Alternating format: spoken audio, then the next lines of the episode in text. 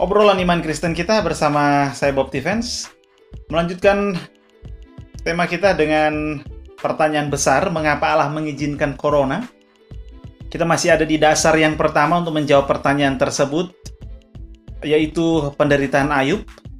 Dan dalam penderitaan Ayub ini kita melihat Elihu untuk sesi ini bahwa Elihu itu berbicara setelah tiga sahabat Ayub berbicara dengan Ayub dalam um, tiga kali.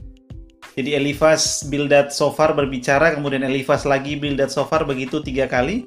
Dan setelah itu kemudian Elihu berbicara dalam pasal 32 sampai 37 dari kitab Ayub. Kata-kata Elihu dapat dikatakan merupakan pengantar kepada dialog Allah dan Ayub. Karena pasal 38 sampai 41 Allah sendiri berbicara langsung dengan Ayub. Dan kata-kata Elihu ini dapat dikatakan merupakan pengantar kepada dialog Allah dengan Ayub.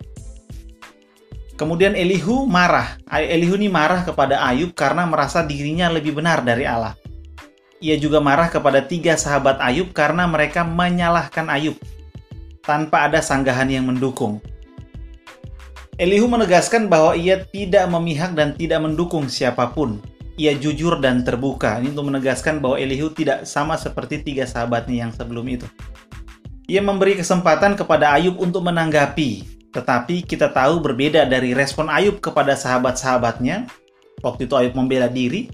Terhadap Elihu, Ayub sama sekali tidak memberikan respon. Artinya Ayub mengakui bahwa apa yang Elihu katakan itu benar adanya. Elihu menyatakan Allah lebih besar dari manusia sehingga adalah hal yang salah jika Ayub menganggap diri lebih benar dari Allah. Salah jika Ayub menganggap Allah membatas-batasi hidupnya dan memusuhinya. Salah jika Ayub menganggap Tuhan tidak mendengarkan. Karena menurut Elihu, Tuhan selalu berfirman kepada manusia, tetapi manusia tidak memperhatikan. Tujuan Allah berfirman kepada manusia adalah untuk menyelamatkan manusia dari akibat perbuatannya sendiri, dari kesombongannya, dan dari kematian yang datang padanya. Allah itu rela memaafkan, mengampuni, menerima manusia. Jika manusia mau datang kepadanya dan memohon padanya, manusia mengalami hasil perbuatannya sendiri, menurut Elihu, dan Allah tidak berlaku curang. Malahan, Allah bersedia mengampuni manusia dari kesalahan yang manusia itu buat. Allah itu maha kuasa. Perbuatan manusia, baik atau jahat, tidak berdampak pada kekuasaan Allah karena dia terlalu besar untuk itu. Hanya berdampak pada sesamanya dan dirinya sendiri. Manusia yang berada dalam penderitaan cenderung berteriak mengeluh, tetapi tidak mencari Allah untuk mendapatkan pertolongannya. Teriakan kosong seperti ini tidak didengar oleh Yang Maha Kuasa. Ini menjelaskan eh, bahwa eh, orang-orang yang menderita, yang cenderung uh, mengeluh tetapi tidak mencari pertolongan Allah menjelaskan kenapa Allah tidak menolong mereka. Karena mereka bahkan tidak meminta pertolongan. Yang Maha Kuasa adil, ia memberi peringatan kepada manusia saat mereka berada di jalan menuju penderitaan. Jika mereka mendengar, maka Allah menolong. Tetapi jika tidak, maka mereka akan menderita karena kecongkakan mereka sendiri. Yang memang walaupun mereka sadar, mereka tidak mau mendengarkan Allah. Elihu menyebut orang-orang yang tidak mencari pertolongan Allah saat penderitaan disebut dengan fasik, orang fasik. Ini perkataan Elihu dalam Ayub 36 ayat 26, sesungguhnya Allah itu besar, tidak tercapai oleh pengetahuan kita. Jumlah tahunnya tidak dapat diselidiki. Allah melakukan segala sesuatu untuk dua tujuan, kata Elihu, yaitu sebagai pentung peringatan kepada manusia dan sebagai penyataan kasih setia Allah kepada manusia.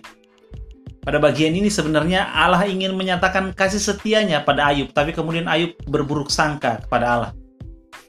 Yang Maha Kuasa yang tidak dapat kita pahami besar kekuasaan dan keadilannya. Walaupun kaya akan kebenaran, ia tidak menindasnya. Jadi menurut Elihu, bahwa Allah itu dia adil. Allah itu tidak mungkin tidak adil. Allah itu besar kuasanya. Dan dalam keadilan Allah, Allah itu memperhatikan manusia. Tidak seperti dugaan Ayub yang mengatakan Allah tidak memperhatikan manusia, tidak memperhatikan dirinya. Allah memperhatikan, Allah ingin menyatakan belas kasihan. Dan dari sini kita melihat bahwa memang penderitaan manusia itu cenderung untuk membuat manusia itu mencari pertolongan atau dalam beberapa hal dalam beberapa kasus bagi beberapa orang bahkan tidak mencari pertolongan dan disebut oleh Elihu sebagai orang fasik. Demikian kira-kira pelajaran kita untuk kali ini tentang Elihu. Sesi berikut kita akan melihat bagaimana Allah sendiri berbicara kepada Ayub. Kiranya damai sejahtera dan kasih karunia Allah menyertai Anda dan orang-orang yang Anda kasihi.